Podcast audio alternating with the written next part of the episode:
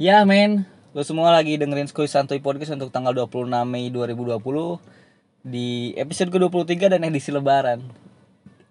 Sebelumnya eh, dengan ketulusan kerendahan hati gue Gue mengucapkan mohon maaf lahir batin kepada kalian semua. Baik yang disengaja ataupun enggak atas kesalahan gue Yang pernah gue lakuin ke lu Gue perbuat ke lu Apalagi atas ucapan gue ke lu. Gue memohon maaf yang sebesar-besarnya. Tolong dibukakan pintu maaf Mari kita mulai dengan sesuatu hal yang ringan ya. Lebaran, men. Selamat Idul Fitri. Bukan selamat Hari Raya Idul Fitri ya. Yang benar itu selamat Idul Fitri. Idul Fitrinya itu disambung nggak pakai spasi. Bukan selamat Hari Raya Idul Fitri. Lagi lu ngapain nyelamatin harinya? Yang benar itu kan selamat Idul Fitri, bukan Hari Raya Idul Fitri. Itulah kenapa pentingnya berbahasa, men gue seneng eh, berbahasa gue seneng belajar bahasa Indonesia. Karena eh, lu belajar tuh mana yang salah mana yang benar. Eh, dan ya menurut gue kenapa pentingnya berbahasa itu? Ya karena seenggaknya nih gue gua kasih contoh konkret. Kenapa berbahasa itu penting ya? Belajar bahasa itu penting ya? Supaya lu tahu uh, apa itu mudik dan apa itu pulang kampung nah itu itu itu contoh konkret ya yang belakangan ini. Ya gue bisa kasih contoh kepada lu lah. Mungkin mbak ada sebagian orang yang bilang "Mm, mudik sama pulang kampung sama aja. Iya tapi ada juga yang bilang beda. Iya. Makanya kenapa kita penting belajar berbahasa kan karena menurut gue ini bukan secara teori ya bukan secara kamus gitu. Karena gini mudik itu men secara, secara arah dari tempat perantauan ke tempat asal. Waktunya lebaran. Lamanya sementara. Jadi nggak nggak lama lah gitu. Cuma paling sementara doang. Dan nilainya tradisi itu mudik. Sedangkan pulang kampung arahnya tetap dari perantauan ke tempat asal. Tapi waktunya bisa kapan aja. Lamanya juga terserah. Bahkan pulang kampung itu bisa dikategorikan untuk orang yang sudah tidak punya kerjaan di tempat perantauan. Itu bisa dikategorikan sebagai pulang kampung. Dan nilainya men bukan tradisi gitu. Jadi lu bisa ngebedain ya mana mudik dan mana pulang kampung. Dan itu ini pun menurut bapak Ipan Lanin pegiat bahasa. Kenapa pentingnya berbahasa kayak gitu? Nah kalau ditanya "Lu ngapain sih? Lu belajar bahasa lu ngapain sih belajar sastra? Gitu. Ya kan di SD aja lu udah diajarin bahasa Indonesia. Iya benar men. Tapi kan lu nggak tahu secara seluk beluk secara detailnya seperti apa dan bagaimana. Ya nggak sih? Gitu. Dan men eh, lebaran kali ini gua nggak ada satupun yang gua ucapin minal aidin wal faizin kepada orang dan gua nggak nggak ngebales chat atau ucapan-ucapan di WhatsApp misalnya ke gua untuk ucapan lebaran ya. Ucapan minal aidin nggak gua balas sama sekali. Karena ya ini pelajaran juga buat lu nih siapa tahu lu nggak tahu. Minal aidin itu bukan artinya bukan mohon maaf lahir dan batin.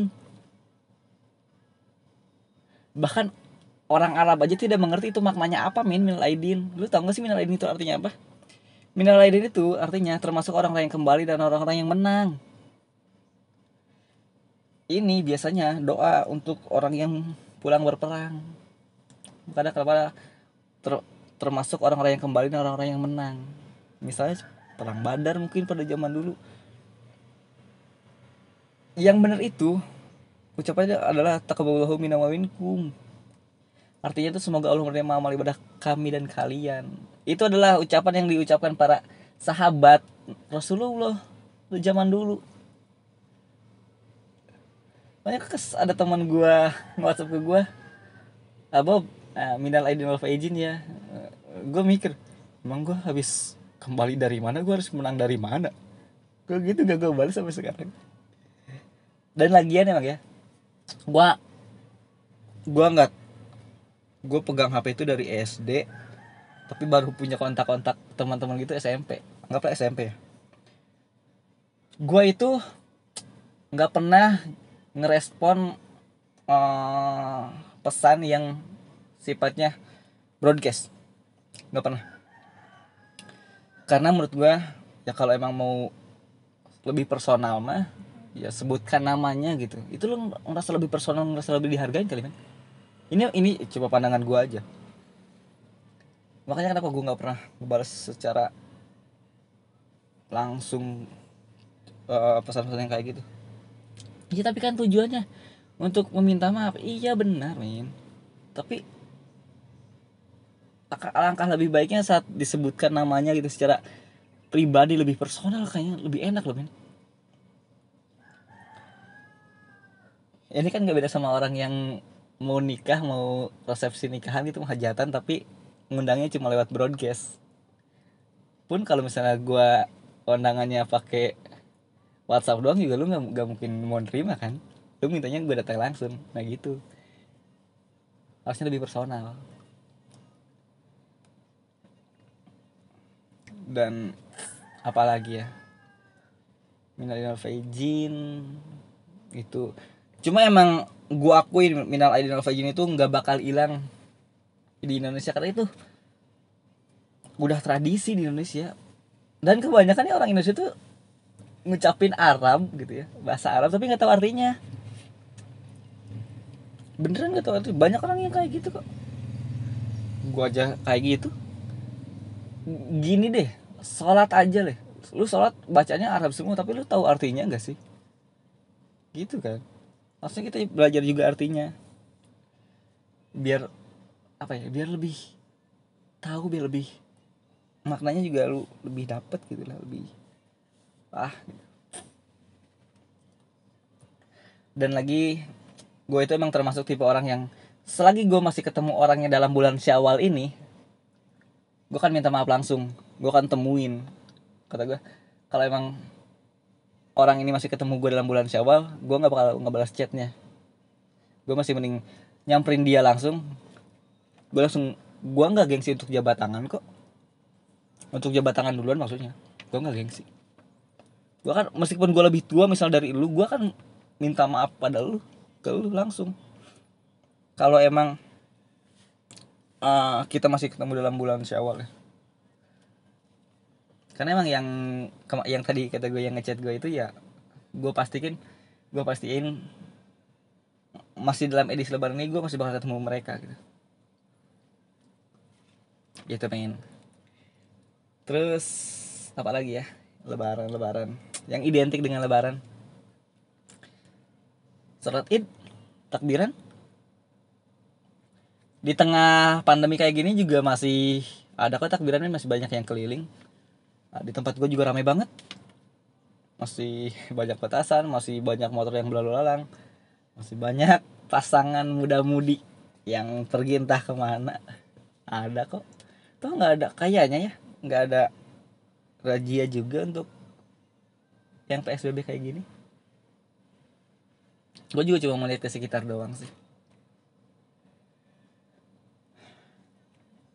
Atau sholat id di kalian ada sholat id gak? Atau sholat di rumah? Di, di gua kalau di gua ya. Gua masih sholat id masih berjamaah di masjid. Dan nggak apa-apa. Tapi emang emang agak khawatir aja sih. Agak waspada. Gua aja sholat id itu secara jujur gua nggak dari di tradi eh kebiasaan gue itu sholat itu gue jalan kaki dari rumah gue ke masjid.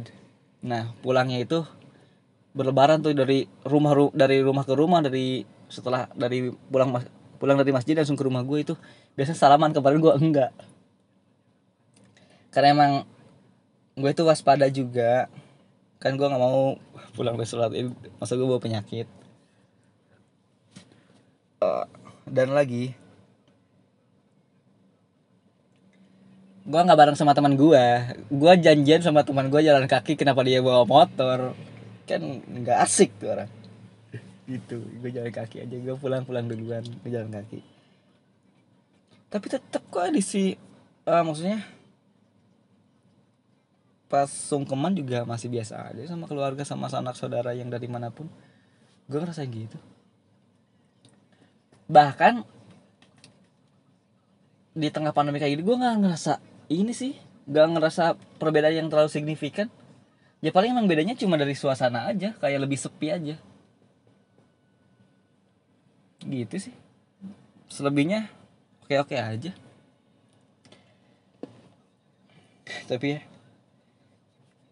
gue nggak tahu nih lebaran kali ini uh, kenapa gue nggak pas gue minta maaf ke orang tua kenapa gue nggak nangis. Sedih mah sedih tapi kenapa nggak nangis? Padahal setahun belakangan ini gue itu pernah bikin orang tua gue nangis. Kesel kesel keselnya. Tapi gue nggak tahu lebaran kali ini kenapa gue uh, cuma ya cuma sedih tapi nggak nangis. Nggak tahu. Padahal gue ah entahlah nggak tahu men uh, tapi emang cuma momen lebaran sih yang gue rasain. Gue tuh deket sama keluarga. Karena gue bisa dicium sama orang tua gue sama ibu gue sama bapak gue dan rasanya dicium sama orang yang kumisan gak enak geli. Gue kebayang ya kalau misalnya pacar lu kumisan terus lu dicium sama pacar lu? Gimana rasanya? Geli gak sih Ben? geli gak sih cai?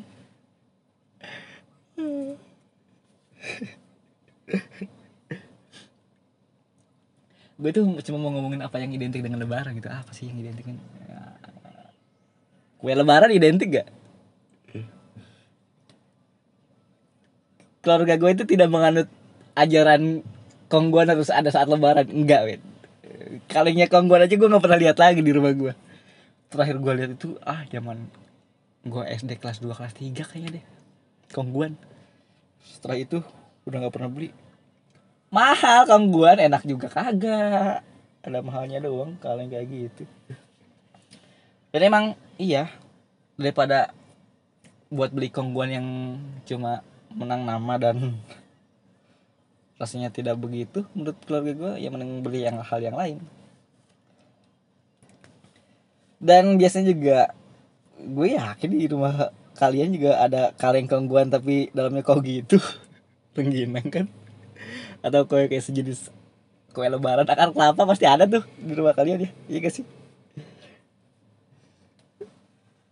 Ya, tapi ya keluarga gue bahkan tidak punya kaleng kongguan tidak menganut ajaran kongguan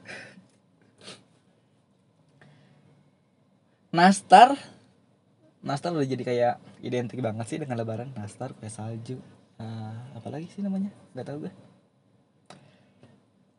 Ibu gua beli nastar yang harganya 18.000 di mana nastar yang aslinya itu harga 45.000.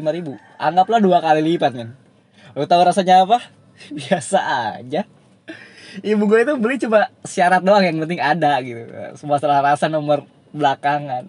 Rasanya biasa aja. Ini nastar apa apa kata gue. Masih lebih enak Nextar loh yang harganya 2000 yang isinya tiga itu. Bahkan nastar yang ibu gue beli itu rasanya biasa aja, bah lebih enak dari bahkan nastar gini gini ngomongnya salah gue bahkan nastar yang ada di rumah gue dibeli ibu gue rasanya biasa aja lebih enak nastar bikinan teman gue itu pun yang yang menurut dia gagal ya menurut teman gue gagal jadi teman gue itu bikin nastar. Uh, gagal lah kayak bawahnya cuma gosong sedikit dong hitam. Terus dia ngasih unjuk ke gue gue mau gue cobain. Enak gue dikasih seplastik tuh. Dan enak emang main beneran. Lebih enak itu dibanding nastar yang ibu gue beli. Ibu gue beli nastar abal-abal banget kayaknya. Yang penting murah yang penting ada syarat doang udah. Saat mungkin ada orang bertamu ya ada nastar udah gitu doang ada nastar nih lebaran banget sih gitu. Ya, ngerasa kayak orang kaya sih? Enggak. Yang penting ada. Kalau dibuka juga rasanya apa nih? Gitu. Aneh banget rasanya bang. Ya harga asli itu kata ibu gue empat puluh lima ribu yang dia beli harga delapan belas ribu min dua kali lipat. Ya ya gitu lah ibu gue identik yang lebaran lebaran lagi apa ya film film di, tele, di televisi biasanya. Film itu kalau lebaran nih biasanya ada film Warkop DKI yang zaman dulu. Dan film Benyamin udah pasti ada tuh. Tinggal nunggu aja ada di stasiun mana yang tayang. Ya nggak apa itu hiburan buat kalian gitu yang masih di rumah aja. Hiburan men. Itu warkop bener namanya itu lucu-lucu banget warkop itu ya setan kredit maju kena mundur kena. Oh itu lucu banget sih. Setan kredit masih jadi favorit gue untuk film warkop PKI zaman dulu. Benyamin juga lucu banget sih. Dan sekarang biasanya banyak film layar-layar lebar yang belum lama di bioskop tuh sudah muncul di TV cuman emang banyak dipotong aja. Potong durasi potdur namanya. Nggak asik sih ya masih mending nonton di bioskop identik lagi dengan lebaran apa? Terakhir. Ditanya kapan nikah? Bener nggak? Untuk lo yang udah masuk usia remaja uh, mungkin udah 17 tahun ke atas 20-an lu pasti bakal ditanya sama saudara-saudara lu kapan nikah? Bener nggak? Gua nggak selama lebaran gua udah pertama kali ditanya kayak gini tapi bukan ditanya kapan nikah. Ditanya sama uang gua. Kapan bawa gandengan kata dia. Kata gue nggak ada udah. Gua kemarin lima kali lebaran sama pacar gua. Nggak pernah ditanya kayak gitu. Sekarang kenapa gua udah putus baru ditanya kata gue gua ngerasain untuk kalian yang udah bikin story entah di WhatsApp atau di Instastory Instagram. Eh, harapan kalian ingin tahun depan itu udah sudah beratap sudah ingin berkeluarga gue amin kan kayaknya pas ditanya kapan nikah juga lu pasti bakal jawab ya dengan pedenya mungkin ya segera. Iya gak sih? Padahal wow. Iya nggak apa-apa sih nggak apa-apa. Gak apa gue gue nggak iris kok kalau cuma untuk pernikahan. Cuma emang menyebalkan sih setiap lebaran kalau misalnya ditanya kapan nikah tapi pasangannya nggak ada. Ada yang tersinggung ada yang biasa aja. Gue contoh yang biasa aja. Gue jawab sekenanya. Dan pertanyaan kapan nikah ketika lebaran akan ada sampai kapan pun menurut gue mungkin bisa jawab bercandain gitu. Kapan nikah? Nanti. Kalau misalnya uh, apa ya kira-kira jawabannya? Ah nggak jadi deh. Gue itu mau nggak jadi nggak jadi nggak jadi nggak jadi. Nggak lucu. Dan pertanyaan kapan nikah itu akan selalu identik dengan lebaran. Saya sama gue saat lebaran pasti akan ada pertanyaan kapan nikah satu tanya kayak gitu sama saudara lu lu mungkin bisa tanya ke pasangan lu. Kapan dinikahi atau kapan kamu siap dinikahi? Itu. Lo harus lihat tuh matanya mana yang serius mana yang gemeter men. Pas ditanya kayak gitu. Udah segitu aja dari gue uh, Sekali lagi Mohon maaf lahir dan batin. Hmm. Tolong maafkan atas kesalahan gue Atas dari ucapan gue Perbuatan gue Untuk kalian semua.